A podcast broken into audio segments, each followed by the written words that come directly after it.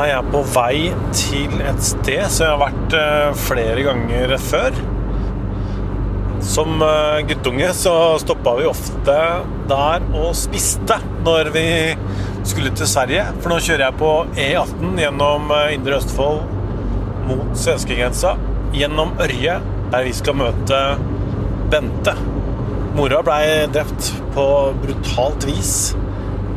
Og gjerningsmannen er fortsatt på frifot. Ring politiet, mamma er drept. Så fikk jeg høre at Marit Ødegaard ble drept. Da kjente jeg det reiv i brystet. Altså, faen, altså. Dette kommer jeg til å få problemer med. I og med det ansvaret jeg hadde eh, den gangen, eh, så er jo det en, en sak som eh, alltid har vært med meg. Nei, det er jo, viser seg jo at uh, noen uh, hemmeligheter forblir nettopp det. Hemmeligheter. I 20 år har en gjerningsmann gått fri. Ingen er tatt for det brutale drapet på 76 år gamle Marit Ødegaard, som ble funnet i sitt eget hjem i Ørje ved svenskegrensa i 2000. Datteren Bente har aldri gitt opp. Hun har prøvd å finne svar på hva som skjedde med moren sjøl. Men nå har hun fått et nytt brennende håp. Kan cold case-gruppa i politiet finne drapsmannen? Og hva med han gamle knarkeren fra Mysen som ble sikta for drapet og seinere løslatt? Hva tenker han? Jeg heter Tor Erling Tømt Ruud, og du hører på Krimpodden i VG.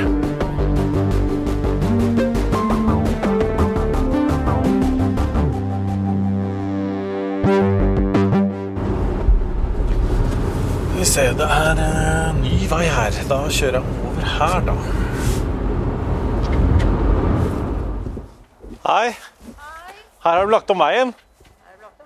Jeg har jo sett det, men jeg har liksom ikke kjørt inn her, da. Nei, Nei. det er blitt, eh, det er blitt litt annerledes. Ja. Jeg er på det lille tettstedet Ørje i Indre Østfold, og har akkurat møtt Bente Ødegård Fjell. Vi står ved en nedlagt kro ved E18. Vinduene er møkkete, og når vi titter inn, så ser vi bare et tomt gulv. Men på den ene sida ser vi disken.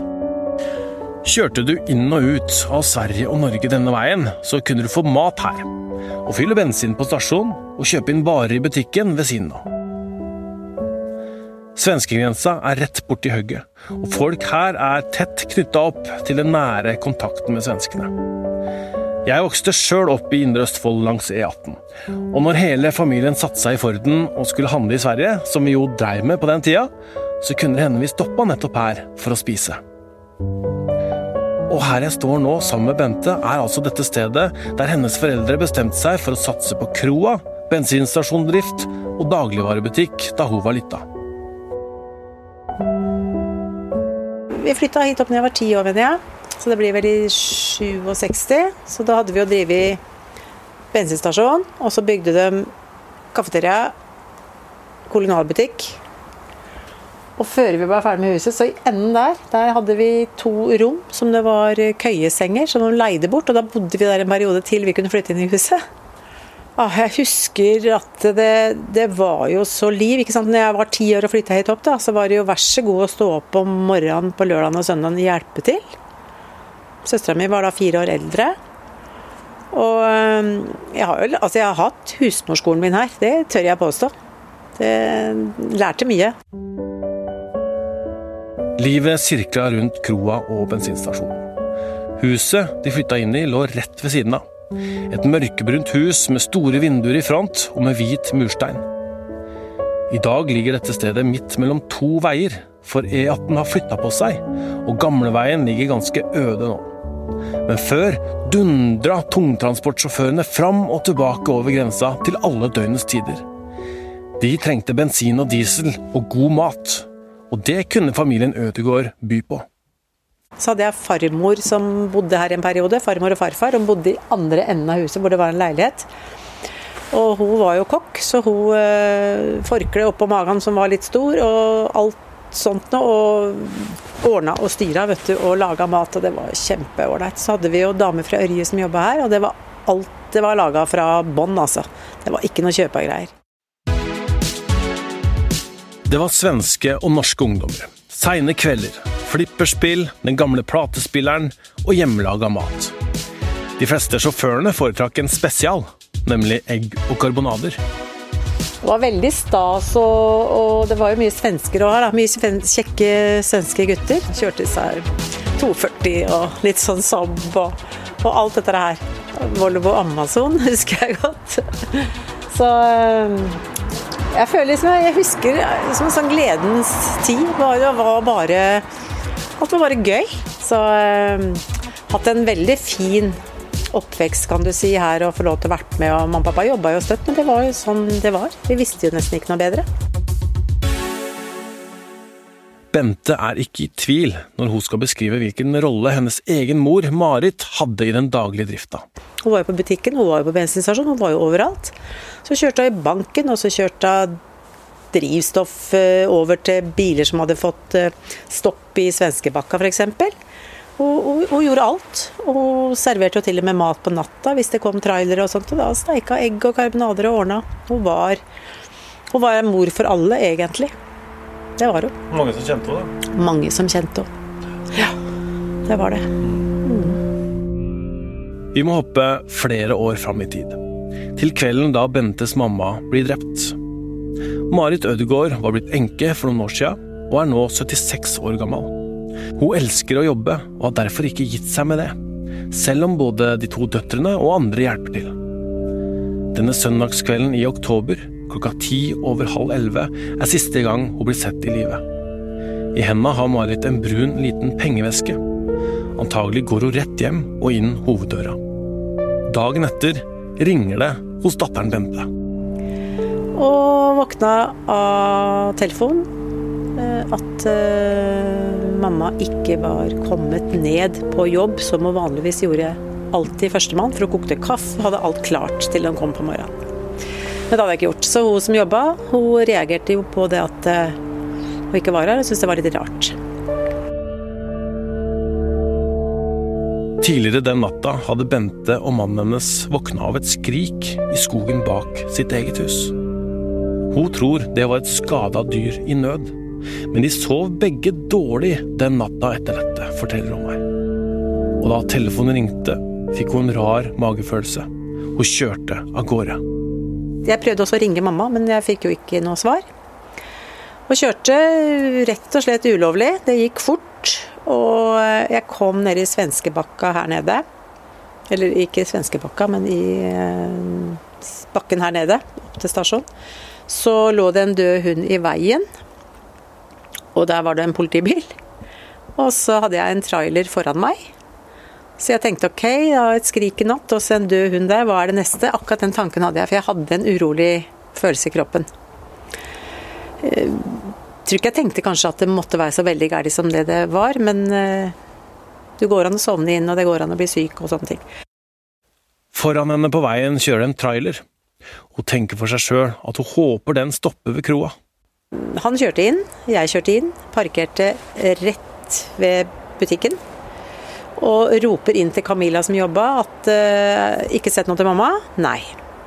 Uh, jeg løper opp uh, kommer ned i en C2. Og jeg løper opp. Alt ser veldig normalt ut. Døra er lukket. Vinduene er hele, og ja. Men når jeg skal liksom ta nøkkelen i døra, så går døra opp før jeg får egentlig nøkkelen i. Da kommer den magefølelsen at her er det noe galt. Hun ser etter tøflene til mora. De står ikke i gangen. Hun må opp to trapper. Hun går raskt. To og to trinn. Jeg kommer opp, så ser jeg rett fram på, i spisestua at gardinene er dratt for, og det, det stemmer ikke. De, skal, de er aldri dratt for. Øh, rett inn til høyre snur jeg meg og skal gå inn der. Der ligger mamma på gulvet. Og jeg skjønner ganske fort at uh, hun var død. Uh, hun hadde jo teip for øya. Hun hadde farge deretter. Jeg tok puls, og jeg skriker sikkert. Jeg husker egentlig ikke alt hva jeg gjorde sånn sett, men jeg vet jeg kjente på pulsen, og det, det var jo ingenting. Tar tak i telefon. Eh, står med en telefon som er da trådløs, som er kutta. Og vet ikke hva jeg sier, om jeg snakker eller hva jeg skriker eller hva jeg gjør, men jeg begynner i hvert fall å løpe rundt i huset. I alle rom, av en eller annen merkelig grunn. Om jeg leter etter noen eller det veit jeg ikke. Før jeg løper ned inn på stasjonen og skriker rett ut til Camilla at 'ring politiet, mamma er drept'. Hun får med seg trailersjåføren opp i huset. Hun måtte være sikker på at det hun hadde sett, var virkelig. Da de kom ut igjen, var politiet på plass. Når likbilen skal hente mora ut av huset, blir Bente forbanna på alle journalistene og fotografene som har kommet til stedet. Hun forteller at hun skriker til dem. Ingen skal få ta bilde av likbilen som moren ligger i. Det gjør bare altfor vondt. Samtidig er etterforskninga i full gang.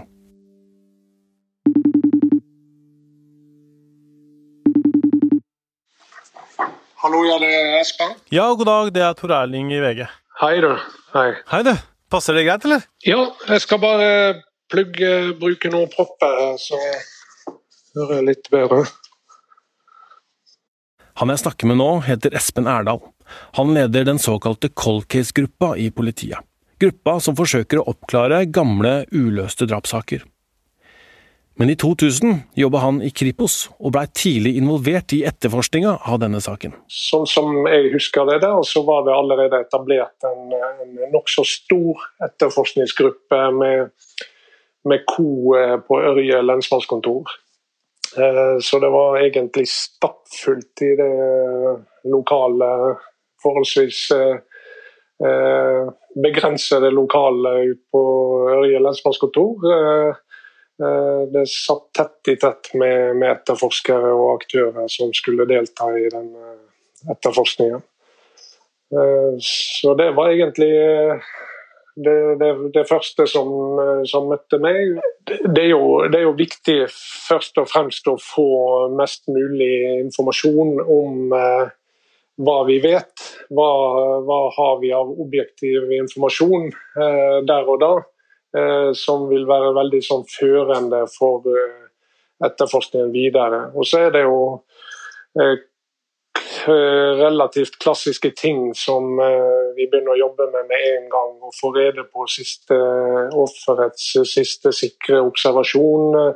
Eh, kriminalteknikeren går jo i gang umiddelbart med å jobbe med med åstedet etter sin uh, metodikk. Uh, og så etter hvert mer og mer så utkrystalliserer det seg ulike, ulike prosjekter i en slik etterforskning som, som går på å følge opp ulike, ulike spor.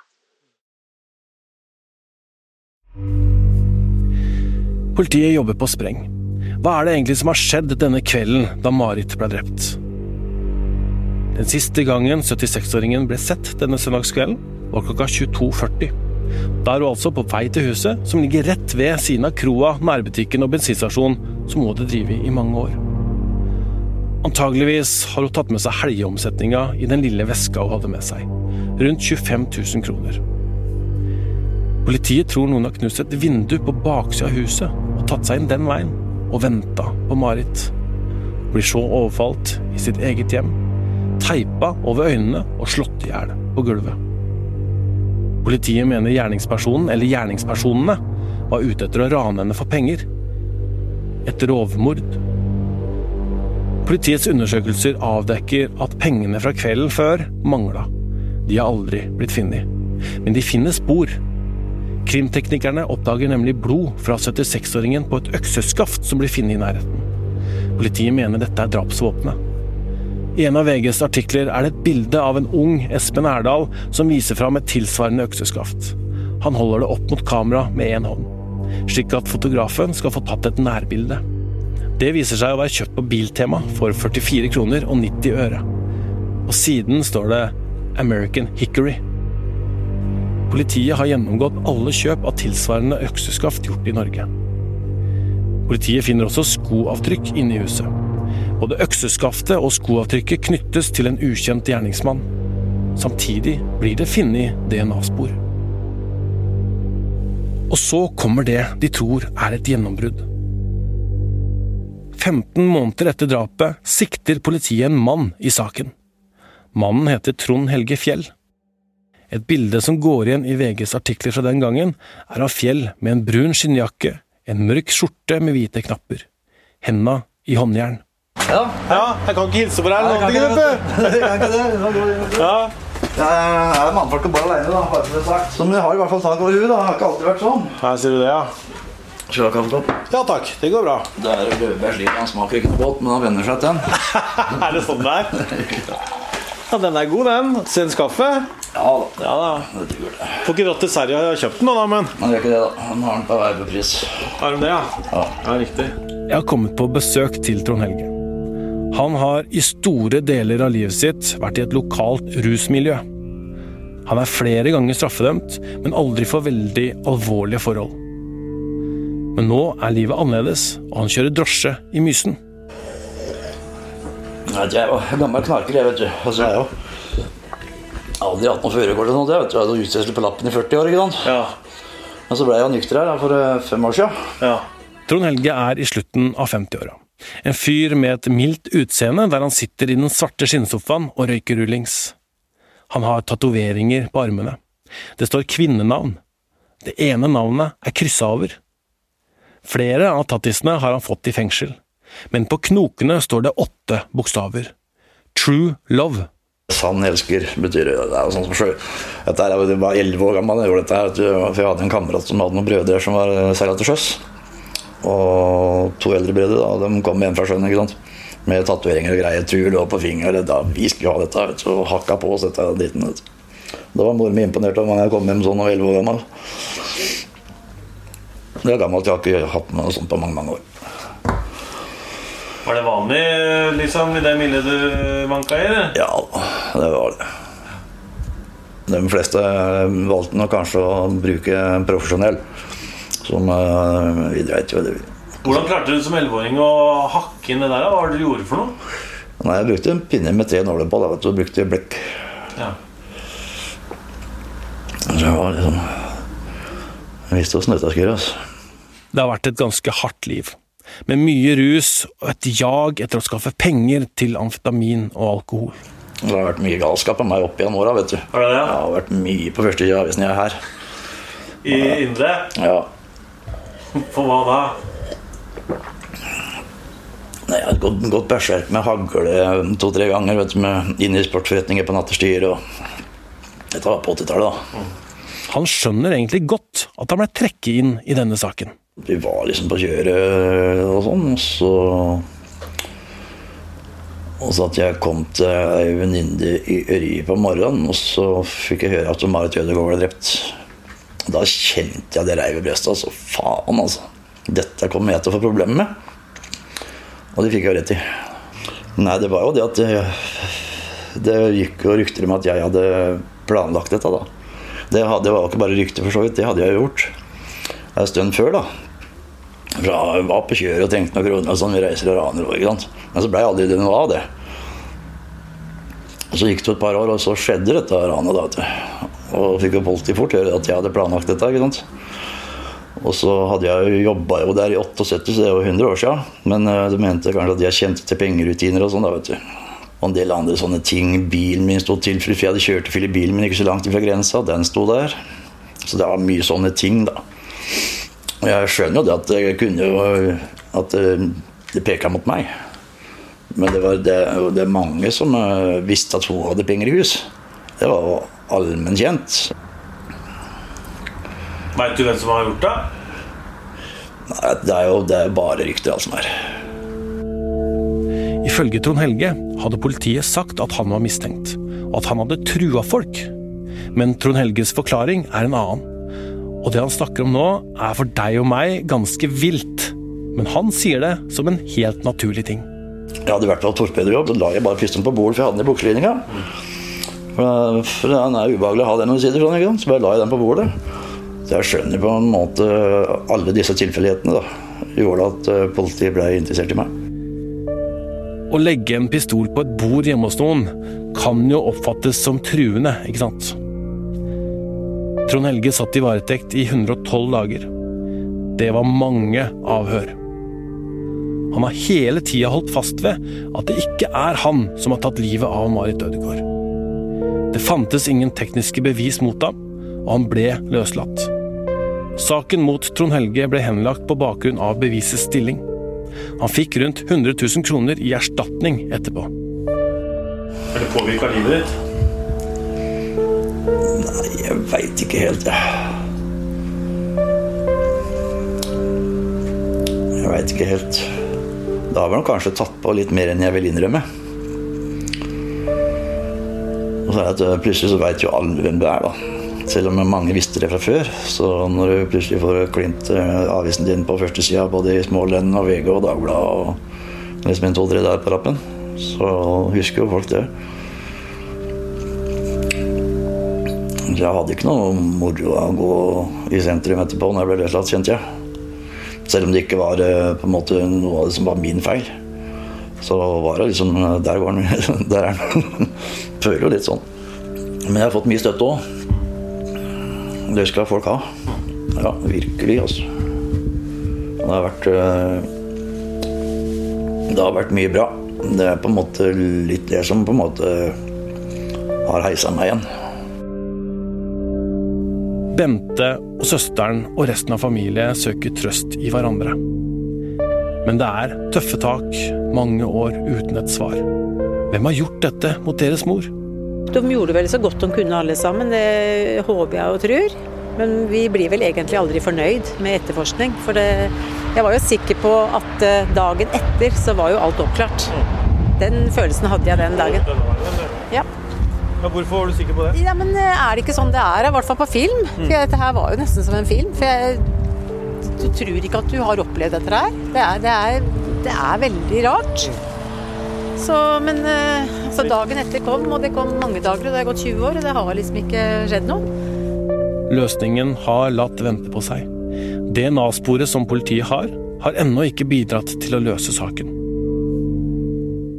Politiet, som hadde sirkla seg inn på rusmiljøet i området, hadde sikta Trond Helge Fjell for drapet. Da han blei løslatt, tenkte Mente ok, da var ikke han, da. Nei, jeg eh, Ja vel, da er det vel ikke han, da. Så jeg det, må jo bli tatt en rette. Og hvis det ikke er han, da, så er det jo en annen en. Og han skal ikke sitte inne, han, hvis de ikke har gjort dette her.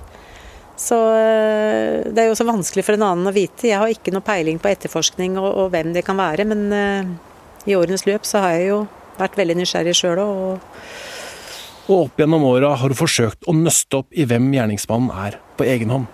har jo fått en del informasjon om ting og tang, og har vel kanskje Kan hende jeg blir lurt trill rundt av ting jeg har hørt, jeg veit ikke. Men jeg tror den informasjonen jeg har fått, er at det er noe der.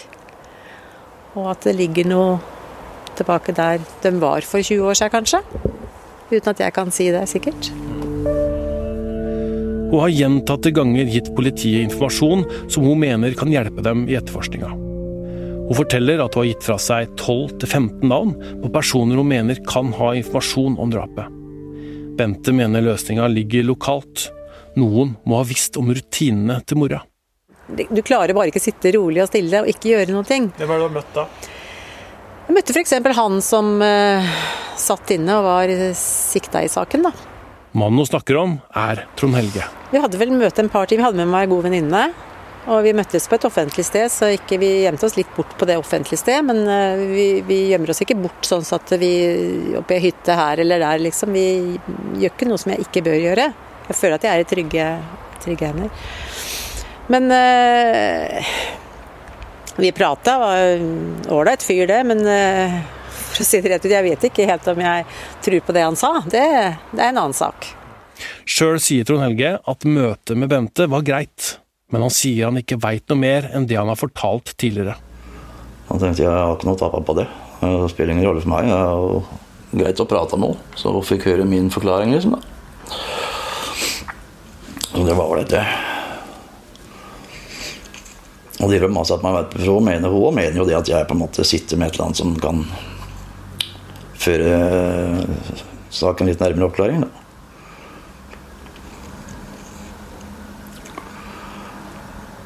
Men det, det, gjør jeg ikke, faktisk. Men du ønsker også at det kommer en løsning? Selvfølgelig. Det er jo, det er jo på en måte bare å håpe på. Så vi får fred alle sammen til slutt. da. For fem år siden ble han nykter etter å ha blitt frelst. Livet snudde. Og det gjorde en enorm forskjell for Trond Helge, som aldri hadde trodd han skulle klare å kvitte seg med den tunge rusen. Jeg reiste på evangeliesenteret. Ja. Ble frelst. Og da kom dette av seg sjøl. Sier du det? Åssen skjedde det? Det, var, jeg, det er mange år siden jeg ble frelst, egentlig. Men at uh, jeg har ikke greid å leve av det livet, for jeg har vært knaker. ikke sant? Så var det nå for fem år siden da, som det var øh, Som det toppa seg skikkelig. Da var det liksom altfor mye av alt. Ja vel. Så da jeg endte opp med at jeg dro på evangeliesenteret. Der hadde jeg vært før. I Moss? Nei, i Halden. I Halden, ja. Nå har han flytta tilbake til Mysen. Og i en alder av 56 år tok han endelig lappen og kan kjøre lovlig. Det hadde jo aldri forestilt sett for meg at jeg skulle klare noe. Også at jeg skulle få noe førerkort, at jeg skulle begynne å jobbe som drosjesjåfør. Liksom. Det er jo helt utenkelig. Det er utenkelig at jeg skulle klare å slutte å ruse meg i det hele tatt. Jeg så jo for meg at den skulle være med i statistikken på dem som dør. Og nå er jeg med en annen statistikk av de få som overlever, liksom. Og de få som klarer å slutte, da. Det er ikke mange som klarer å slutte med knark. Og vi fant ut der at det var 2% på verdensbasis som klarer og som står. Da. Så jeg er jo en av de 2 da. Det har jeg ikke hørt.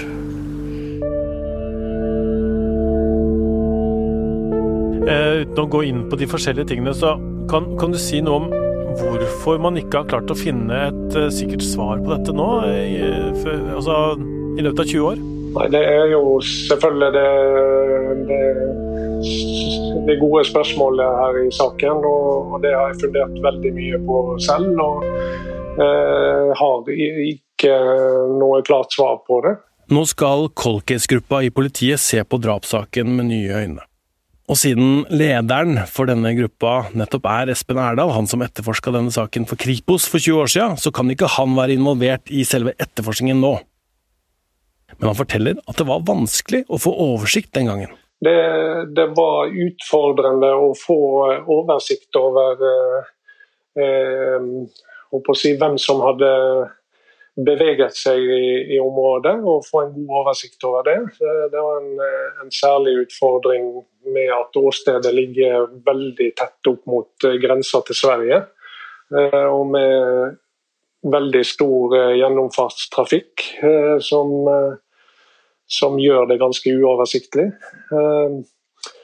Men, men tilbake til spørsmålet ditt. Jeg, jeg, har dessverre ikke svar på det, og jeg håper jo inderlig at vi skal, skal, få svar på den saken uh, før eller siden. Og, og, og, da vil det også være naturlig å, å gjøre en evaluering av etterforskningen som ble gjort den gangen.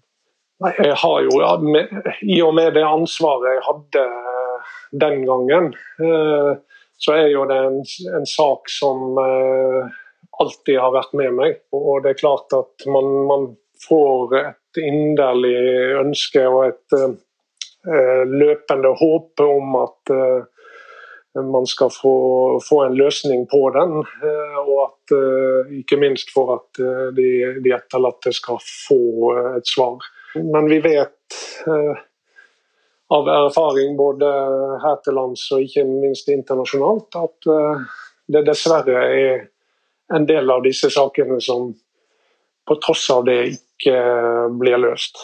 Men noen, noen blir løst, det, det, må jeg skynde meg å si. Og det, det er nok av eksempler på at det, det, er mulig. Så det er vårt utgangspunkt når vi går løs på, på saken. I denne saken så, så, ble jo en person også sikta eh, og, og varetektsfengslet, men senere løslatt. Eh, han har jeg også snakka med, og han, han, mener at eh, politiet har vært litt blinde for at det, det kunne være andre enn ham som hadde gjort det. Hva, hva sier du om en sånn uttalelse? Nei, jeg, jeg kan, eh, be, må be om forståelse for at jeg ikke kan kommentere det i hele tatt nå. Nå er det nye folk eh, eh, hos oss som skal gjennomgå saken fra, fra scratch og i, i full bredde. Og det er det jeg forholder meg til. Og så er jeg veldig åpen for at politiet, inkludert meg selv, gjør feil og, og har gjort feil. Og, og det eneste håpet og ønsket og målet vi har, det er å, å finne fram til, til det riktige svaret. At Cold Case uh, går løs på denne saken her, det er jo en av de uh, uløste sakene. En grusom sak. sannsynligvis et såkalt rovmord. altså at en gjerningsperson eller flere har vært ute etter penger, og da drept Marit Ødegaard på grusomt vis. Her har vi krimkommentator i VG, Øystein Milli. Så er det viktig å si at Cold Case er jo Eh, dyktige, flinke, har kompetanse eh, og kan løse saker. Men det er ikke sånn at eh, cold case kan trylle, for å bruke det begrepet. De er jo avhengig av at det kommer nye spor. Enten i form av at man det, altså En mulighet er at man avdekker åpenbare feil som er gjort i etterforskningen den gang da. At man har glemt å avhøre vitner, at det er spor som ligger der som ikke er fulgt opp, og som i dag kan gi resultater. Og det der jo, jobber jo tida imot uh, politiet, eller Colcase i dette tilfellet. ikke sant? Uh, fordi at uh, spor blir borte, spor blir forelda. Om det er vitner, så husker de dårligere. Elektroniske spor forsvinner ut. og så er det selvfølgelig dette med DNA, som kanskje er den aller største muligheten. I denne saken, som i alle saker, så må jo noen vite noe. Nei, det er jo, viser seg jo at noen uh, hemmeligheter forblir nettopp det, hemmeligheter. Uh, det er saker hvor åpenbart flere vet, uh, hvor man ikke kommer videre. Så er det andre saker hvor noen til slutt må betro seg til noen, og vi, og vi, får svar. I denne saken så er muligheten helt opplagt til stede. Jeg er helt enig i at mye tyder på at dette er en lokal tilhørighet, og at man må lete lokalt her. 20 år er lang tid uten svar. For Bente betyr det alt at Cold Case nå tar saken. At noen på nytt skal prøve å løse drapsgåten. Det syns jeg er helt fantastisk. Jeg, jeg, jeg, er ikke personlig kristen, men jeg føler meg bønnhørt, om jeg kan si det sånn. Men jeg skal ha det svaret.